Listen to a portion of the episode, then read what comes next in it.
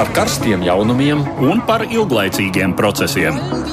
Par idejām, par cilvēkiem, par naudu un par laiku.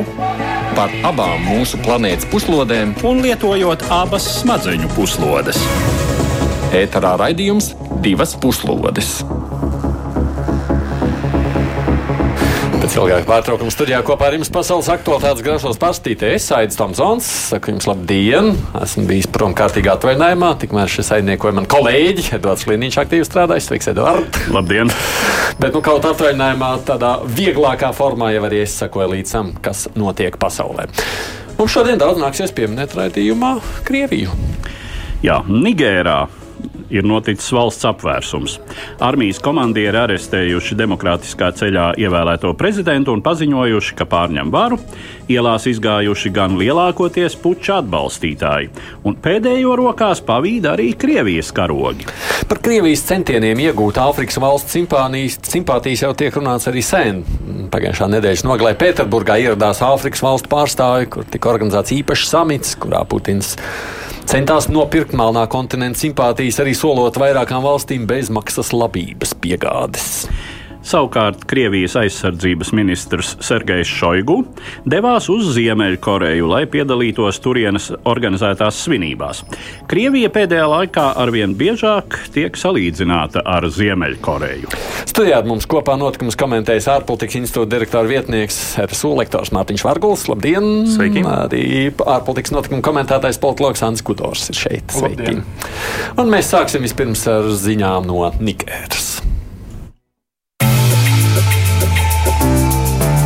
Kopš Rietumāfrikas valsts Nigēra 1960. gadā ieguva neatkarību no franču koloniālās varas, tās vēsturē ilgāk un īsāki nestabils demokrātijas posmi mījušies ar militāro huntu valdīšanu. Pēdējais demokrātijas cikls, saukts par Septīto republiku, iesākās 2010. gadā, taču pēdējās nedēļas notikumi liek bažīties, ka tam pienākušas beigas. Pašreizējais likumīgais valsts galva, prezidents Mohameds Bazūms, tika ievēlēts 2021. gada aprīlī, un šis bija pirmais gadījums Nigēras vēsturē, kad demokrātiski ievēlēts valsts galva pārņem varu no sava demokrātiski ievēlēta priekšteča. 26. jūlijā prezidenta Gvarde, kuru komandēja ģenerālis Čianī, apcietināja valsts galvu. Sākumā armija pauda gatavību atjaunot likumisko kārtību valstī, taču vēlāk armijas pārstāvi, uzstājoties televīzijā, paziņoja, ka prezidenta amata pilnvaras ir pārtrauktas un tiek nodibināta dzimtenes aizsardzības nacionālā padome. Tika apturēta konstitūcijas un valsts struktūra darbība, slēgtas robežas un izsludināta komandanta stunda. Hunta vainoja iepriekšējo valsts galvu neprasmīgā valdībā, kas graujot valsts ekonomiku un drošību. 28. jūlijā ģenerālis Čjānī paziņoja, ka uzņemas dzimtenes aizsardzības Nacionālās padomas vadību, respektīvi pasludināja sevi par jaunā režīma vadītāju. Ielās izgāja pučistu atbalstītāji, kuri cits starpā pauž simpātijas Krievijai un tās vadonim Putinam, vicinot Krievijas karogus un attiecīgus plakātus. Francija, kādreizējo koloniālo valdītāju, viņi savukārt vaino Nigēru piemeklējušajās problēmās. 30. jūlijā Rietumāfrikas valstu ekonomiskās kopienas vadība nāca klajā ar ultimātu, pieprasot atjaunot Nigērā likumisko kārtību un pretējā gadījumā piedraudot ar militāru intervenciju. Šī organizācija, kurā ir 15 dalībvalstis, arī pagātnē vairāk kārt veikusi šādu iejaukšanos reģionu valstīs. Tāpat iesaldēta to dalību valstu darbība organizācijā, kurās varu pārņēmuši nekonstitucionāli režīmi, proti iesaldēta Mali un Gvinējas dalība 2021. un Burkina Faso dalība 2022. gadā. Nākamajā dienā Mali un Burkina Faso režīmi publiskoja kopīgu komunikē, kurā pauda, ka intervence Nigērā uzlūkos kā kara pieteikumu sev. Nigērā ir dislocēta apmēram 1500 franču un apmēram 1000 amerikāņu kareivi kuri līdz šim atbalstījuši valdību cīņā pret islāma ekstrēmistu grupām. Franču kontingents daļai pārņēma savā kontrolē galvaspilsētas Niemējas lidostu un organizē franču un citu Eiropas valstu pilsoņu evakuāciju. Par puķiem jau mēs kādā no Āfrikas valstīm ziņojam ik pa brīdim, vai ne? Man liekas, uzreiz gadā vismaz kāds sanāk tāds stāsts. Bet vai citreiz arī kādas Āfrikas valsts draud pat militāri iejaukties? Nu, tad, sakot, nu, es neatceros, ka kāds cits būtu teikuši, ka viņi iesaistīsies. Jā. Nu, tur parasti tie pučisti, jo viņi demokrātiskāk sev nosauc.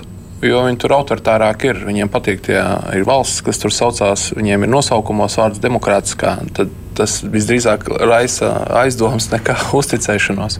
Tas jā, bet kāpēc šoreiz tā kā tā, nu, tā gandrīz ne, šai Rietumā Afrikas uh, valstu organizācijai, kur nosaukumā ir ekonomika, uh, ir diezgan laba vēsture šai ziņā. Viņi ir uh, Gvinējā, Liberijā. Uh, vēl pāris valstīs, man tagad nav saraksts priekšā, šīs organizācijas dalībvalstīs, kad tur ir bijušas iekšējas jukas, vai militārs apvērsums ir atjaunojuši kārtību. Bet, nu, acīm redzot, pēdējā laikā nu, vispirms salīdzinoši teiksim, lielākas tās valstis ir, kur tā iejaukšanās nav tik vienkārša. Mm, un, un tad tagad uh, ir šīs valstis, kuras šajā organizācijā kuru dalība ir iesaldēta. Nu, mēs redzam, ka tā organizācija faktiski, faktiski šobrīd dalās divās daļās tās valstis, kuras ir par likumīgu kārtību un, un konstitucionālo režīmu saglabāšanu, un tās, kuras to uzskata par savukārt jaukšanos iekšējās lietās un ir gatavs solidarizēties ar šajā gadījumā Nigēras. Nu, Topošo šobrīd, topošo huntu. Tur ir izvērsties kāda plašāka kardarbība. Plašāka karadarbība, protams, ka var izvērsties, kas jau tika minēts pieteikumā.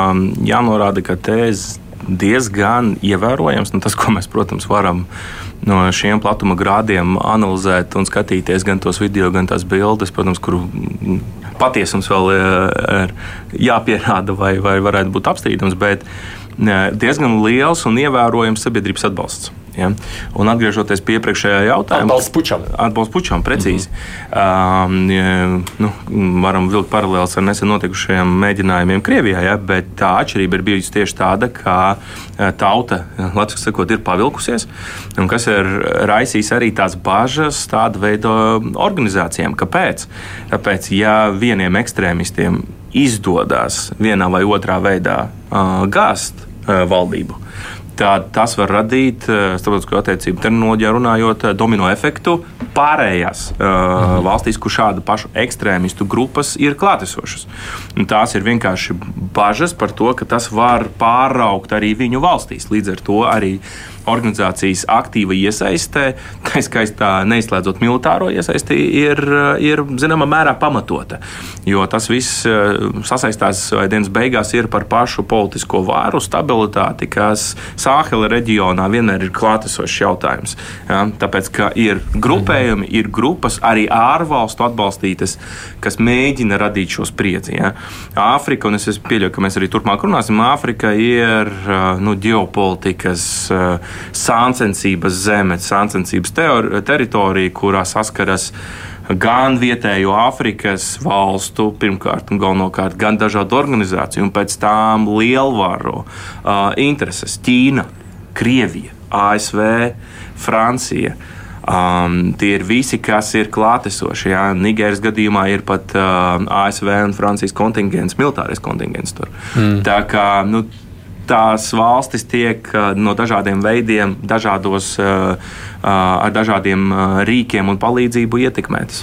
Bet redz, mēs atcerāmies kaut kādus iepriekšējos puķus pāris mēnešiem. Tad es, es neatceros, kur valsts bija iepriekšējā, kurā notika puķis. Tur taču, nu kā, nu, nu labi, tur viss valsts izsaka savu nosodījumu, apmēram tā, nu mēs tur neatbalstām, mēs tur sarausim nesošās tur kaut kādas ekonomiskās palīdzības saites un tam līdzīgi, bet no to viss parasti beidzas. Neizskan nekāda tāda. Francija ir sevišķi jūtīga par tām valstīm, kas ir bijušās kolonijas. Ja? Tā mm. Nigēra atbrīvojās 60. gadā, ja nekļūdos. Ārējā tirzniecībā, Mārtiņš jau pieminēja Ķīnas faktoru. Ja, tur ārējā tirzniecībā Nigērai nu, pirmais partneris tādā apjoma ziņā ir Ķīna, numur divi ir Francija, mm. pēc tam apvienotie Arābu Emirāti, numur trīs.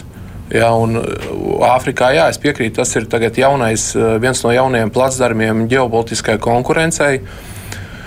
kur parādā arī Turcija, starp citu, ir nozīmīgā vietā tirzniecībā. Ķīna līdz šim bija, ko mēs vērojam par Āfriku, ka Ķīna dominēja ar saviem ekonomikas instrumentiem un audzēja savu svaru ne tikai Latvijā, bet jo sevišķi Āfrikā.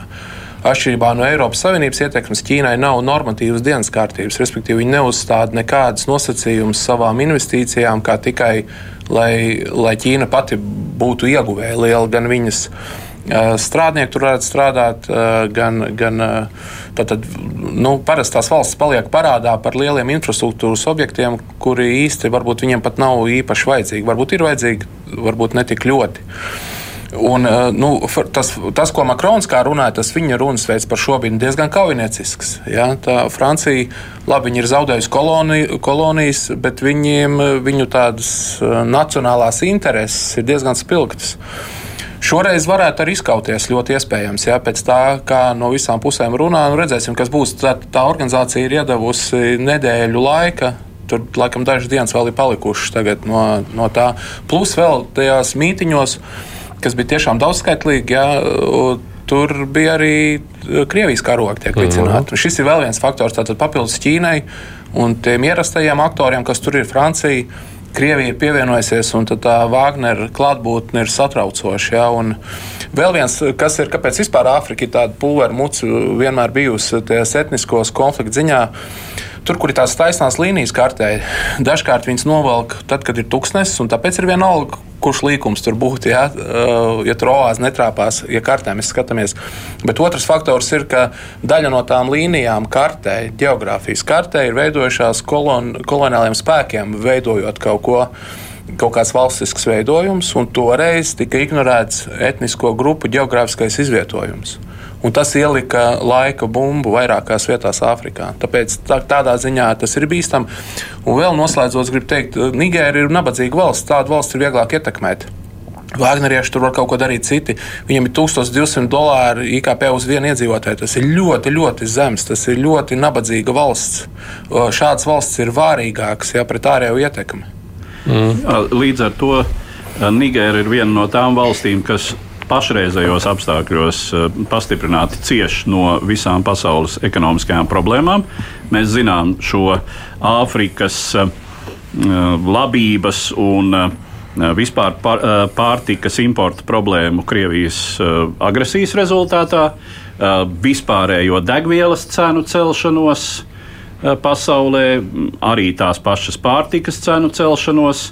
Līdz ar to eh, tādām nabadzīgām, trūcīgām valstīm tas ir sevišķi sāpīgi. Un tas, es domāju, arī ir galvenais iemesls, kāpēc sabiedrība pavelkas.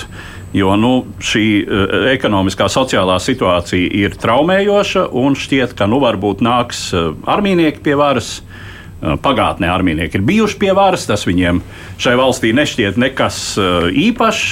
Ne? Līdz ar to, jā, nu, kāpēc, kāpēc gan ne? Un vēl droši vien, nu, tur, protams, ir attiecīgā apstrāde, propaganda un tā tālāk. Un tiešām cerības uz Krieviju par kuru droši vien tāds vidusmēra nigērietis saprot diezgan maz, kas ir Krievija, kādas tās intereses.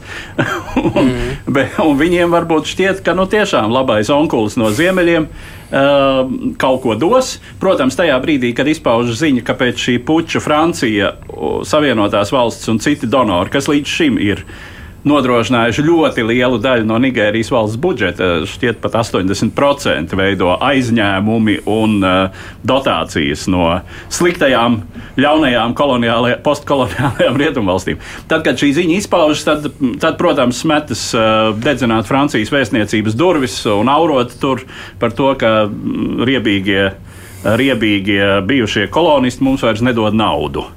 Jā, nu, nu, jā. Nu, jā, tā triviāli izsakoties. Nu, vēl, ir viens, vēl ir viens temats, kas ir svarīgs Nigērijas sakarā. Tas ir galvenais Nigērijas uh, eksportējamais resurss, kas ir ne vairāk, ne mazāk kā urāna rūda.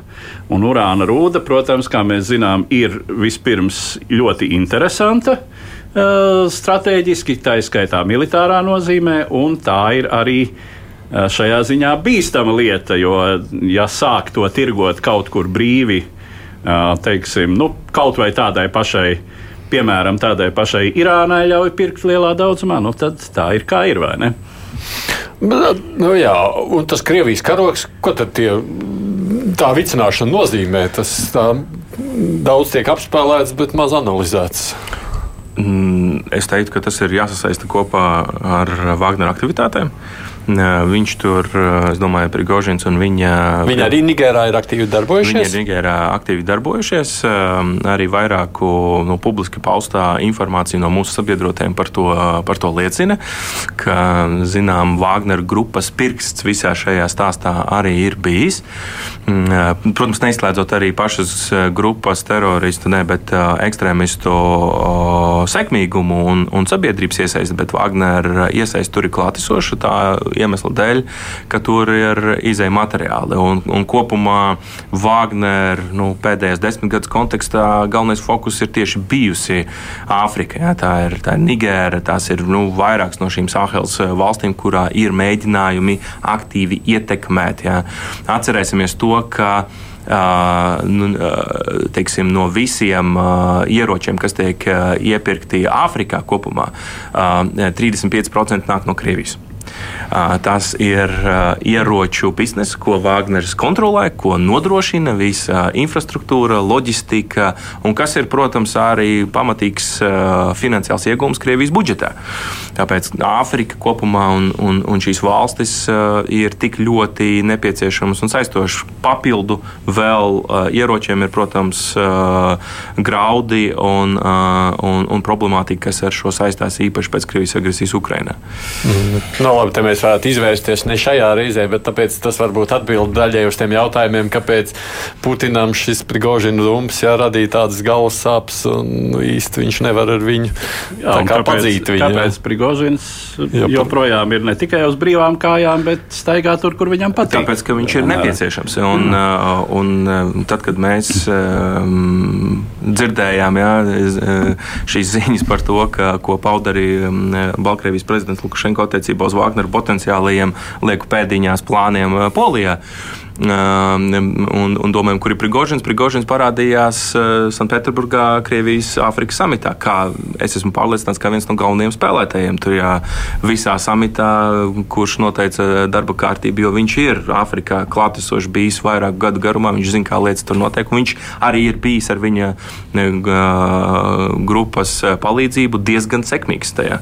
Nu, tad, ja mēs sapinām šos tematus kopā, varbūt mazliet ieskatāmies, kas ir noticis Pēterburgā Rīgā pagājušā nedēļas nogalē, tāpēc, ka nu, mēs īstenībā jāatzīst par Krievijas ietekmi Āfrikā tā ļoti daudz runājuši šeit nesam.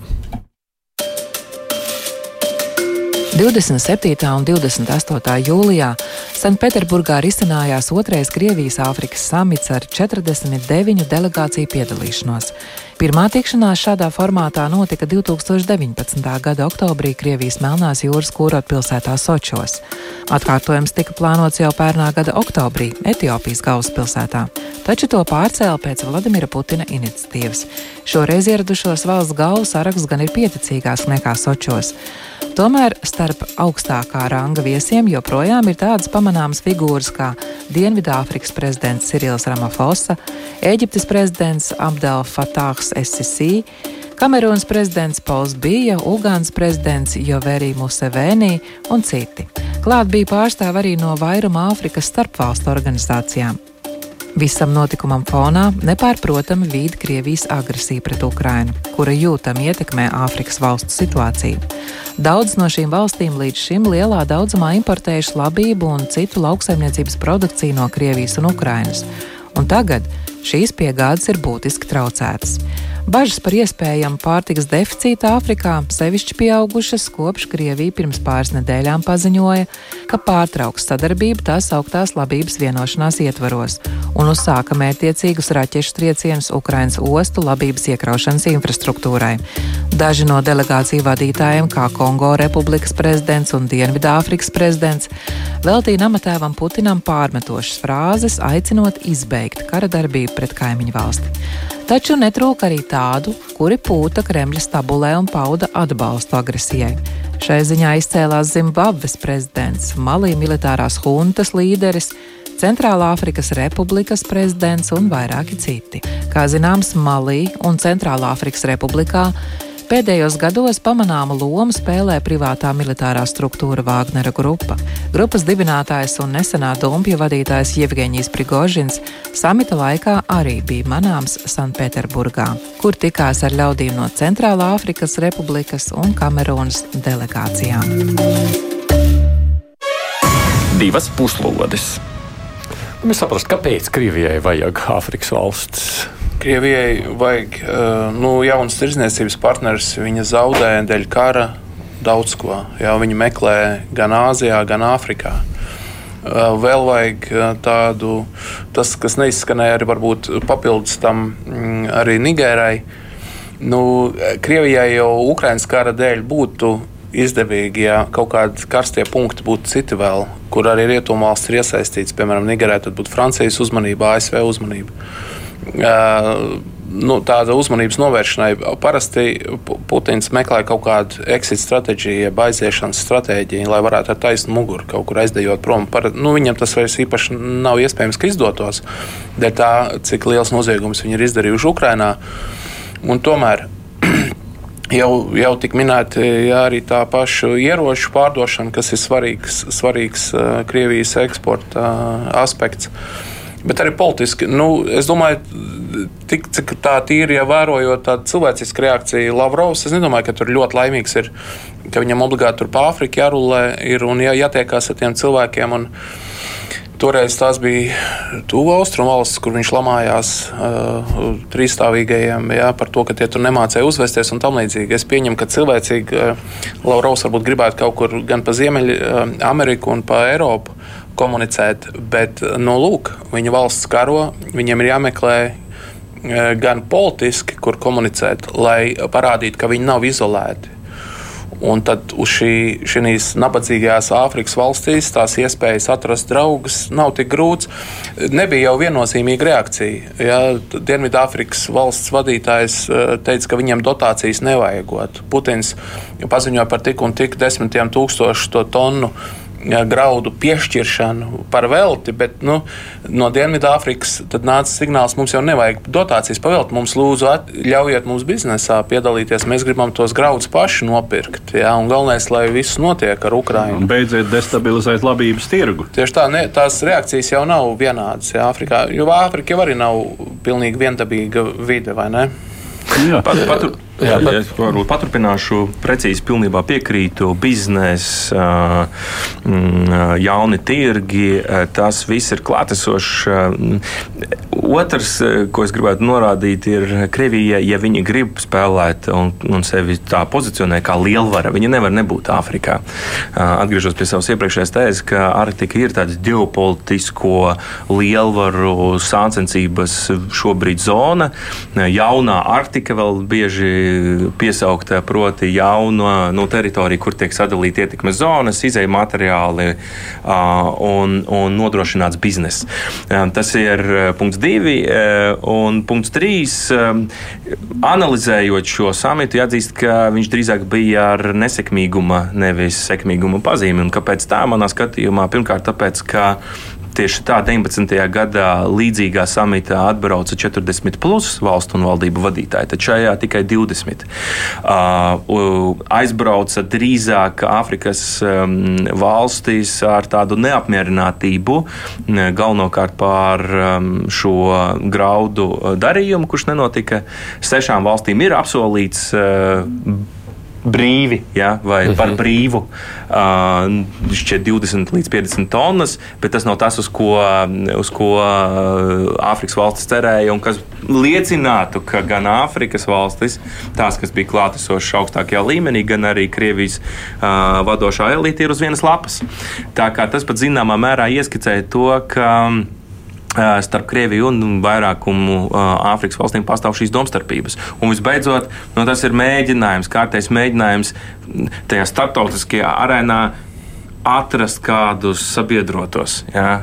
Tā skaitā balsojumos uh, ANO ģenerālasemblējā, par ko, protams, Krievija ir vien mazāk un mazāk interese, bet tas, tas vienmēr ir būtiski, cik valstis un kā jā, atbalsta. Bet, bet kopumā samits uh, ieskicēja to, ka arī šajā reģionā Krievijai pamazām zūd atbalsts. Jā, nu, uh, vēl var pieminēt, ka Krievijai, protams, tā ir zināmā mērā padomju savienības lomas atjaunošanas, nu šajā gadījumā teiksim, ilūzija. Mēs atceramies, ka augstā kara situācijā Padomju Savienībai, protams, bija draudzība ar ļoti daudzām Āfrikas valstīm. Salīdzinoši daudzām tur bija režīmi, kas bija eh, Padomju Savienībai draudzīgi. Daudzi sev arī definēja kā uh, sociālistiski orientētus režīmus. Uh, tās partijas daudz vietā tur nav zudušas, tās joprojām pastāv. Uh, vismaz nu, partijas ar nosaukumiem, kas, kā jau kolēģi atzīmē, dēvējas par tautas demokrātijām un, un, un tam līdzīgi. Tad, lūk, tas ir arī, tā ir arī daļa no, es domāju, prezidenta Putina šī vispārējā politiskā virziena atjaunot, atjaunot bijušo varenību. Tā arī daļa no bijušās padomju varenības, uz, kur, uz kuru Krievija kā mantinieca gribētu pretendēt šīs īpašās attiecības ar tām. Nu, Tās joprojām dēvē par jaunatīstības vai tagad, nu, vai teiksim, trešās pasaules mhm. valstīm. Jā? Tagad, laikam, saka, attīstības valstis. Lūk, nu, nu, tā tad. Tātad tur, tur, toreiz tur bija, protams, ieroču piegādes, tur bija uh, savukārt šo valstu resursu iepirkšana. Uh, nu, un arī m, toreiz konkurence šajā, šajā laukumā, Āfrikā. Un motīvi ir joprojām tie paši. Tātad rietumi, kas tiek definēti kā sliktie, jo tās ir bijušās koloniālās varas Āfrikā, un Āfrikai draudzīgā, Āfriku mīlošā Tagad jau Krievija. Jā, no tāda viedokļa jāsaka, ka paturpinot no tāda viedokļa, gan uh, samits, protams, ar, ar, ar pluszīmēm, ja, tas, kā tas tika pasniegts informācijas vai propagandas kanālos. Skaidrs, ka viens vēstījums pie mums brauc jā, ar, ar mūsu līderi runā. Viss kontinents, jā, visas gan... valstis. Tā kā, no tāda viedokļa, protams, ka atkal Putins un, un, un viņa visa informatīvā mašinērija nostrādāja ļoti labi. Lai gan te gan jāsaka, domājot par to, kā tas bija Padomju Savienībā un kāda bija tā uztvere Padomju sabiedrībā toreiz, tad tā nu ne, tu, ne tuvu nebija viennozīmīgi pozitīva. Jo nu, tas jau bija skaidrs, ka pati Padomju Savienība dzīvoja diezgan drāmīgi, maigi izsakoties. Uh, sabiedrībā bija daudzu svarīgu dzīves līmeņa elementu trūkums. Uh, tajā pašā laikā šie līdzekļi tika ļoti dāsni gāzt iekšā šais Āfrikas valstīs.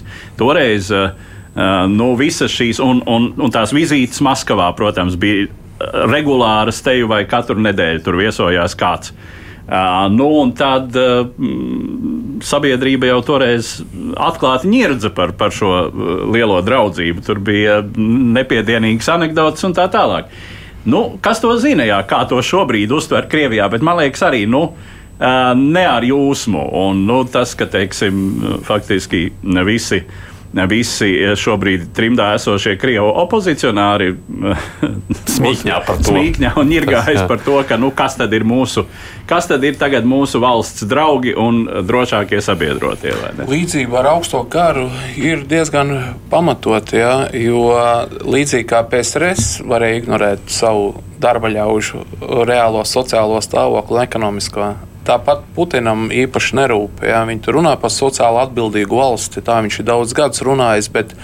Autoritārie režīmi spēja attīstīties ekstensīvi. Tātad nevis intensīvi, bet ekstensīvi. Viņi ir gatavi tērēt naudu. Tā ir vēl Leņķina tradīcija domāt ļoti globāli. Un tādā ziņā mūsdienu Krievijas varas uh, pārstāvji ir lielā mērā PSRS, tādas ģeopolitiskās domas turpinātāji. Bet no šāda viedokļa vienīgi skatoties, no iemesls jau kāpēc iespējams lielākā daļa tur neaizbrauc baigi apmierināti prom no Sanktpēterburgas, tāpēc, ka nu, tagad jau laikam Krievija nemaz neko daudz nevar atļauties vairs. Jā. Nu, daļa notiek virtuāli, jā, un vispār tā propaganda strādā līdzīgi arī kā PSRS laikos. Ja disidenti bija tie, kuriem bija drosme runāt patiesību par reālo lietu stāvokli, nu, tad tie bija jāpiešķiedz. Un tas, ko mēs tagad redzam, Putina represīvais aparāts joprojām rullē ar lielu, ar lielu jaudu. Tas ir skaidrs, bet redz, viņš graudus var piedāvāt. Nu... Pavelti ne tik daudz, droši vien, cik tur nu, jā, arī ar tiem ieročiem tā ir. Kā ir Iero, ieroči, protams, ir lielā, lielā apjomā, tas ir lielākais piegādātājs kopumā reģionam, bet es piekritīšu iepriekš teiktajām attiecībā, nu, kaut vai, ja mēs raugāmies uz Franciju, kur 80% jā, Nigērā vai kopumā Ķīnas infrastruktūras investīcijām, jā, tiek dēvēt arī par slazda diplomātiju. Ieguldi, sāc projektus, tur ir ķīniešu kompānijas, viņas tur paliek un tādā veidā tu pietuvini politiski. Tā ir bijusi bijusi Ķīnas pieeja jau vairāku gadu garumā. Bet no finanšu perspektīvas nu, Krievija ir nu, izaicinājumi konkurēt, izsakoties maigi, ja, gan ar Ķīnu, gan ar ASV, gan pat ar to pašu Franciju, kurai jau ir vēsturiski tur uh, lielas, uh, lielas intereses un, un darbības. Tā kā skaidrs, ka Āfrikā, tāpat kā jebkurā citā reģionā, stāsts beigās ir par naudu, par biznesu. Un to, un tas, tas mazinās, tas paliek tādā nelegālajā vidē, kā ieroči. Ja. Graudu stāsts ir, protams, nedaudz cits, bet, bet konkurēt ar Ķīnu, it īpaši ar Ķīnu, kļūst arvien grūtāk tajā, ko var piedāvāt. Mhm. Jā, un, bet nu, Krievijai, protams, un sevišķi Putinam pašam. Nu, jautājums ir par, arī par tādiem īslaicīgiem taktiskiem mērķiem. Ļoti iespējams, ka šobrīd šī Āfrikas kārta arī tiek izspēlēta Un atkal, atkal jau atgriežoties pie Nigērā notikušā, tādā kontekstā, ka Putins sev šobrīd vāc visus iespējamos trumpjus, jo viņš ne to nav zaudējis cerību tomēr piedabūt Ukrainu sēsties pie sarunu galda, protams, klātesot arī rietumiem, un tad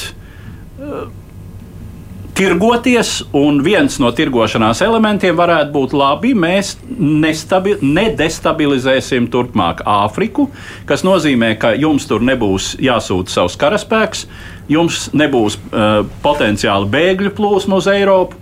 Uh, un tās visas ir lietas, kuras, protams, uh, Eiropai ir eh, pietiekami nu, teiksim, Svarīgs, iedarbīgs faktors. Vāgnerieši jau var atstāt iespaidu un ietekmēt procesus pat eh, bez kaut kādiem lieliem Krievijas finansiāliem tēriņiem. Ja, ja kaut kāds autoritārais eh, vadonis.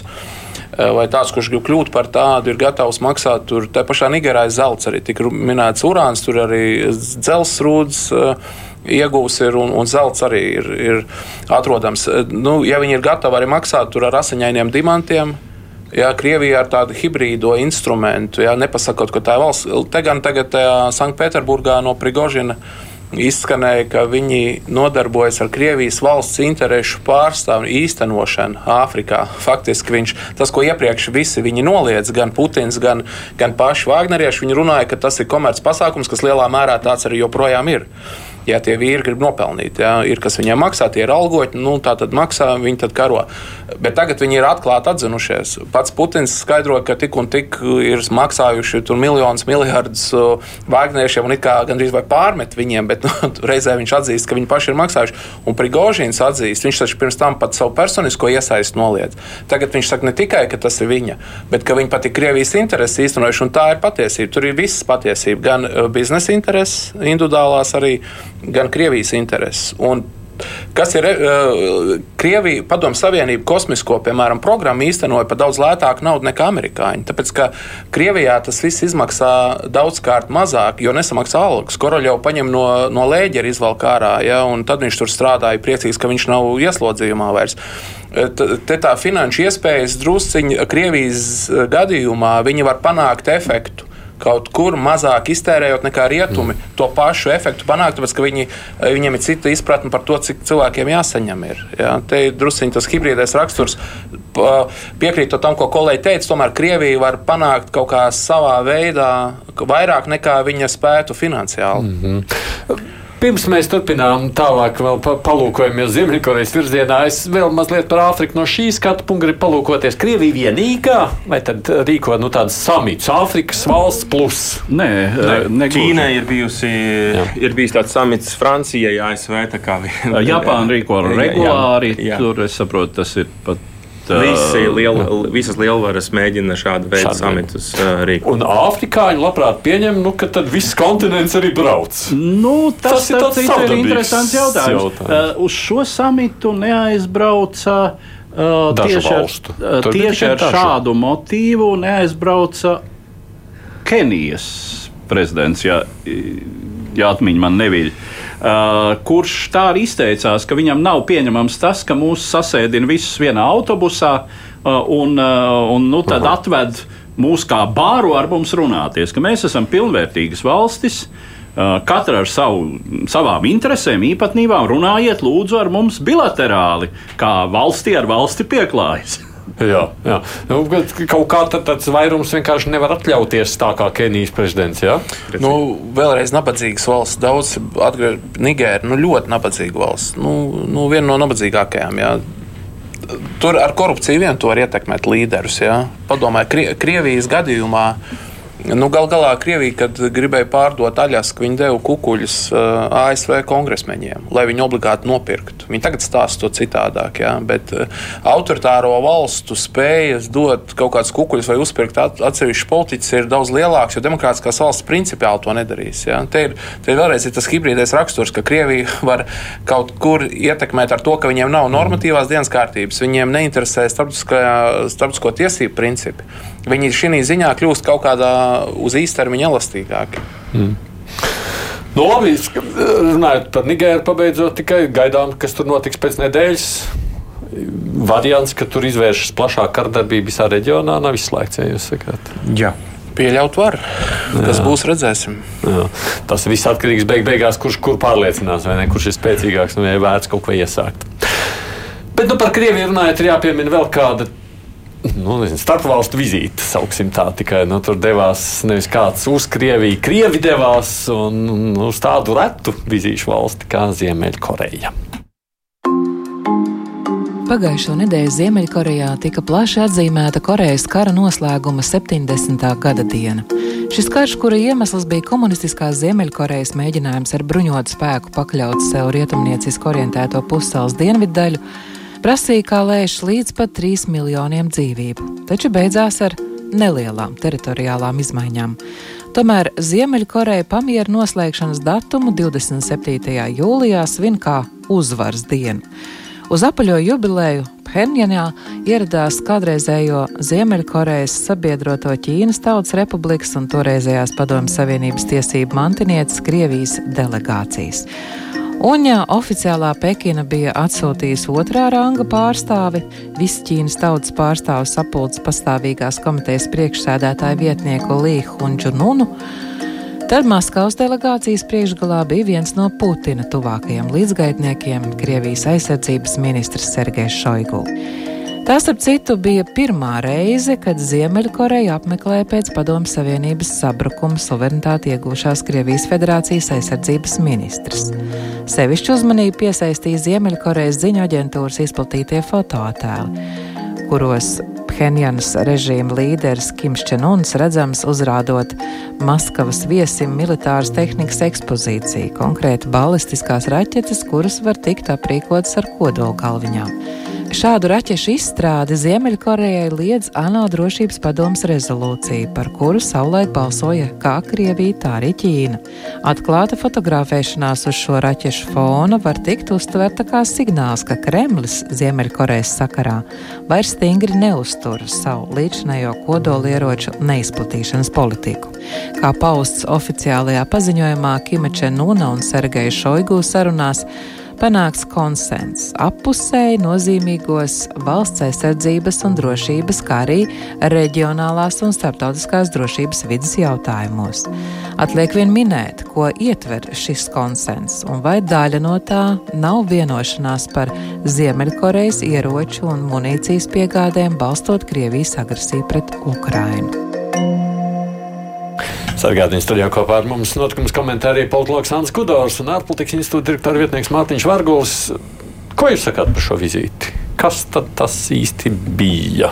Ļoti vispārīgs jautājums, bet tāpēc, kad nu, tas bija braucis svinēt, vai tur kaut kas tomēr cits no? nu, ja to sauc par uzvaras dienu un vēl apaļa jubileja. Nu, mēs atceramies, eh, cik svarīga Krievijai pašai ir uzvaras diena, kur tā svin. Nu, tā atšķirībā no Ziemeļkorejas gadījuma patiešām bija, bija uzvara, uzvara otrajā pasaules karā.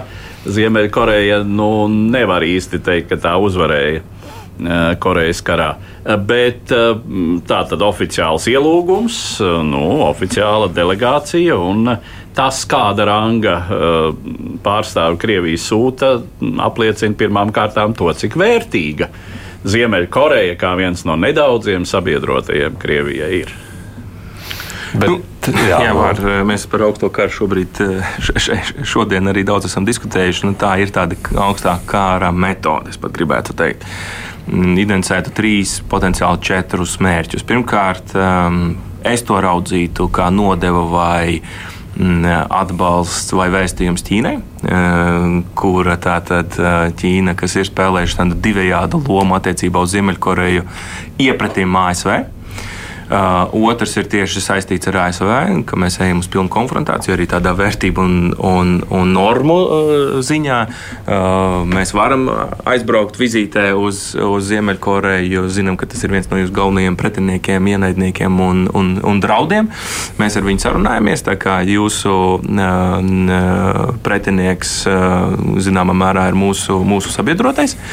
Uh, trešais, jo Šoigu jau arī daudz kur nav vairs uh, kur aizbraukt. It īpaši kā aizsardzības ministram. Ja. Lavrovs vēl ik pa laikam kādās no Āfrikas valstīm parādās, uh, kaut kur kādā tālākā Austrumāzijā. Šoigu praktiski nekur nebija parādījies. Tad uzvaras diena, uzaicinājums un, un šāda vizīte. Vis, vis, visbeidzot, nu, kas ir izskanējis ja, arī šo bilžu kontekstu attiecībā uz to, ka Krievija vai Sergejs Šoigu varētu pieprasīt zināmu militāru atbalstu ieroču ziņā, uh, cīņā. Nu, Cīņā ar Ukrajinu, kas jau šo sakot, šķiet nu, nedaudz uh, jocīgi pret varenās Krievijas pēdiņās lieku uh, sevis pozicionēšanos, ka no tādas valsts, tādas nabadzīgas valsts kā Ziemeļkoreja, kas ir, protams, ļoti militāra un militarizējusies uh, pēdējo desmit gadu laikā, un kurā ir ieroču uh, sistēmas, ka tā varētu ņemt kaut ko no Ziemeļkorejas. Parasti Ziemeļkorejai tīpaši augstā kara laikā valstis deva, vai ne?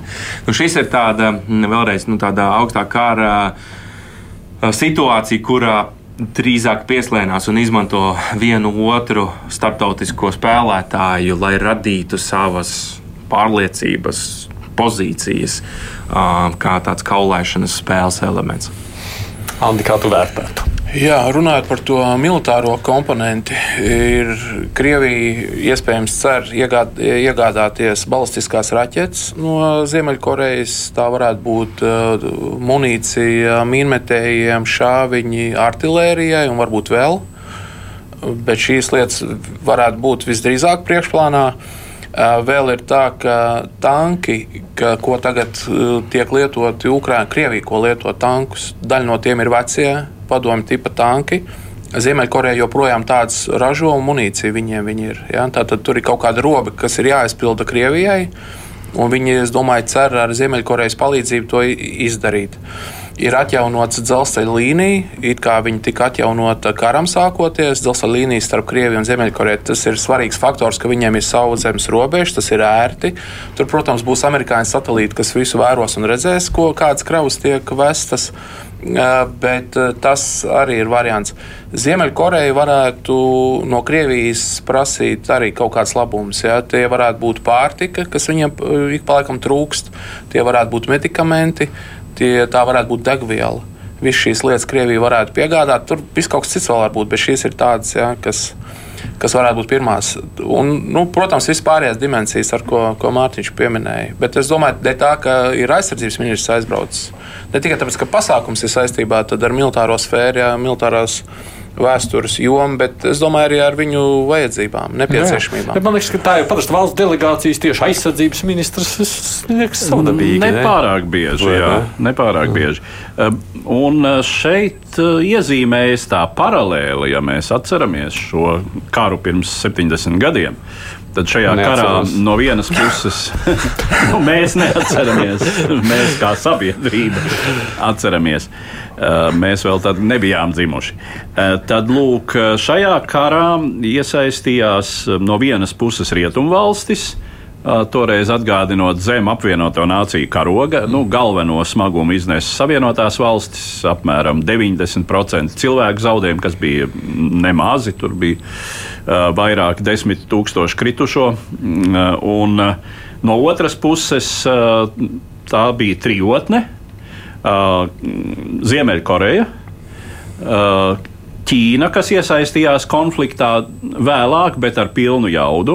Faktiski tur bija vienu brīdi jautājums, vai, vai Ķīnas faktors neizšķirs šo karu par labu Ziemeļkorejai un Padomju Savienība, uh, kura iesaistījās, uh, nu, teiksim tā, mm, paslepeni. Ja? Nu, iesaistījās ar ieroču piegādēm, protams, kas netika slēpts, un tad. Uh, nu, tā ļoti netika afišēts, bet arī uh, jaunākos padomu iznīcinātājus tajā laikā pilotēja krievu piloti.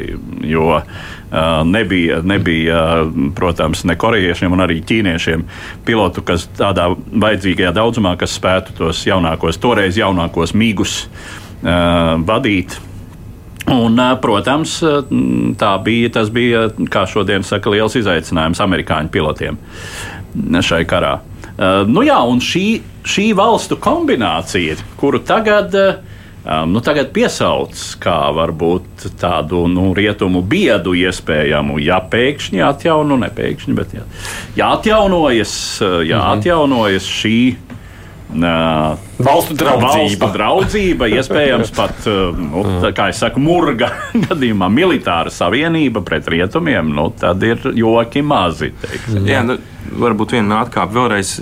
Protams, ka, ka mana prognoze vai, vai, vai, vai vērtējums ir neprecīzs, bet tieši tāpēc, ka atgriežoties arī pie tā, ka Padomju Savienības laikā, mm, Padomju Savienība augstākā laikā piegādāja ieročus, tagad, ka Krievija varētu viņus nu, atgūt vai, vai ņemt no Ziemeļkorejas. Nu, Vai ir tik kritiska robeža šobrīd karā? Es būtu nedaudz piesardzīgs, bet tā varētu būt arī taisnība, ja, ja tā situācija ir tiešām tik, tik dramatiska. Lai gan man šķiet, ka Krievijai vēl ir rezerves tādā konvencionālā kara darbībā. Bet kas ir būtiski un ko es arī aizmirsu pieminēt, ir stāsts par kodolieročiem, protams, Ziemeļkorejas kontekstā. Un arī šīs pāris bildes, nu, šīs dual capable vai duālās pieejas vai lietojamības raķetes, kas ir Ziemeļkorejas rīcībā, kas varbūt gan konvencionāls, gan arī ar kodola galviņu. Nu, tas ir, nu, tā ir daļa jau šobrīd no Krievijas eh, tādiem vēstījumu stratēģijas doktrīnas, nu, radot, ka mēs dzīvojam kodola laikmetā. Mums ir arī sabiedrotie. Ja? Un tas atkal katru reizi ir viena vēlme vai ar vienu mērķi ieviest eh, bailes, ja? radīt šo, šo sajūtu, potenciāli atgriežot sevi pie sarunu galda. Ja. Mm -hmm. Un jebkādi nu, mērķi, lai to, to eskalētu, šo kodolu retoriku, tie Krievijas skatījumā attaisno to, tie jebkādi līdzekļi attaisno šo mērķi. Šis karš lielā mērā ir tādā praktiskā izpausmē, ir artērijas karš Ukrajinā pašlaik. Līdz ar to nav jau jāsagaida, lai Krievijai vispār būtu beigušie, beigusies munīcija. Tas jau būs pavēlu. Protams, ka viņi ir laicīgi jābūt ar rezervi. Tas, ka viņiem ir liela krājuma, jā, bet nu, ir ziņas no frontes līnijas, ka viņiem pietrūkst. Jā. Viņi Prigošins arī lielajās par to intensitāti, cik daudz viņi izšauja. Viņš salīdzināja to artērijas šāviņu intensitā, izšaušanas intensitāti ar Otro pasaules karu. Viņiem ir daudz lielāka intensitāte tagad. Jā. Līdz ar to turpat pie lielajiem Krievijas krājumiem viņi nav Bet, bezizmēri. jā, vienīgais, es domāju, nu, ka Ziemeļkoreja nu, salīdzinoši labi militarizēta, bet nu, viņa jau nav nekāds Krievijas izmērs un tās pašas balstiskās raķetes. Nu, cik, cik viņi var atļauties? Bet, redz, viņi- dot? viņi- Viņiem arī un cik nav- viņas ir, sek, nu, cik viņas ir sekmīgas un efektīvas tieši Ziemeļkorejas tas, izstrādes kontekstā. viņus mazāk uztrauc. Jā, jā, jā, tā kā Lielais karš jau pašlaik nedraud teiksim, Ziemeļkorejai. Ja? un Viņiem beidzot būt, es domāju, viņiem psiholoģiski ļoti komfortabli, ja viņi kaut ko var dot, nevis tikai nu, pārdot, nevis tikai prasīt.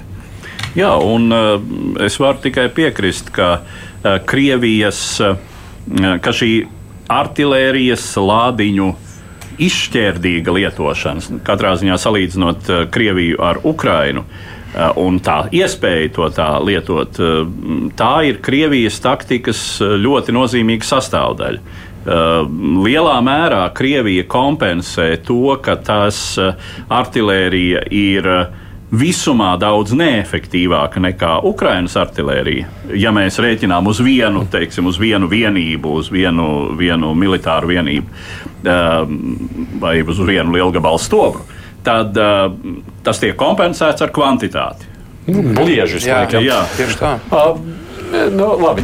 Kā tu sacīji, nu, šajos laikos neko nenoslēpjas. Ja tur ies tie vilcieni pāri ieročiem, to mēs uzzināsim. Vai nu, viņi ir vienojušies vai nav vienojušies. Tā pilnīgi acīm redzot, bez tā mēs. Sankcijas jau ir pret, visā, ir pret Ziemeļkoreju, sankcijas pret Krievijas sankcijas. Viņiem kaut kādā nozīmē nav vairs ko zaudēt. Jā, nu, ies, konstatēs. Nu, jā, jā, nu, vienkārši viņi- mēs zināsim.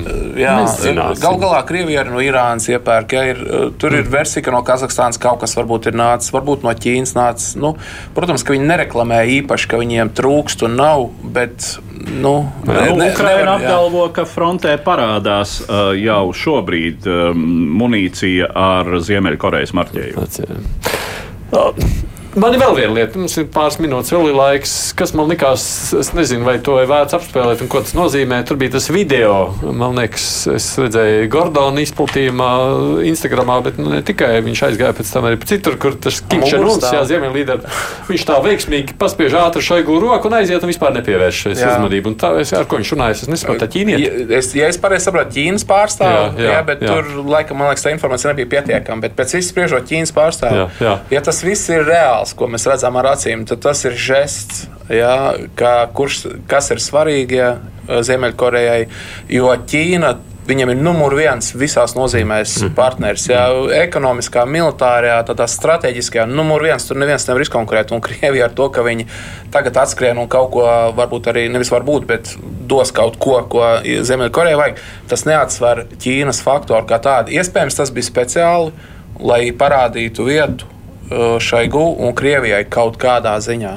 Nu, jā, un lai Ķīna nesāktu pārlieku uztraukties. Arī Ā, Jā, jo nu, jā. ir, te, ir te viens jautājums uh, par to, ka ja nu kāds nav ieinteresēts, lai izplatītos kodolieroči šajā reģionā, tad tā ir Ķīna. Mm. Jo reģionā ir ļoti daudzas valstis, kuras var ļoti ātri sava tehnoloģiskā potenciāla dēļ tikt pie kodolieročiem, un ja parādīsies motīvs, ka Krievija uh, tiešām piegādā kaut ko tādu Ziemeļkorejai, būtībā pārkāpjot kodolieroču neizplatīšanas uh, doktrīnu, nu tad uh, es domāju, Japāna, Dienvidkoreja potenciāli.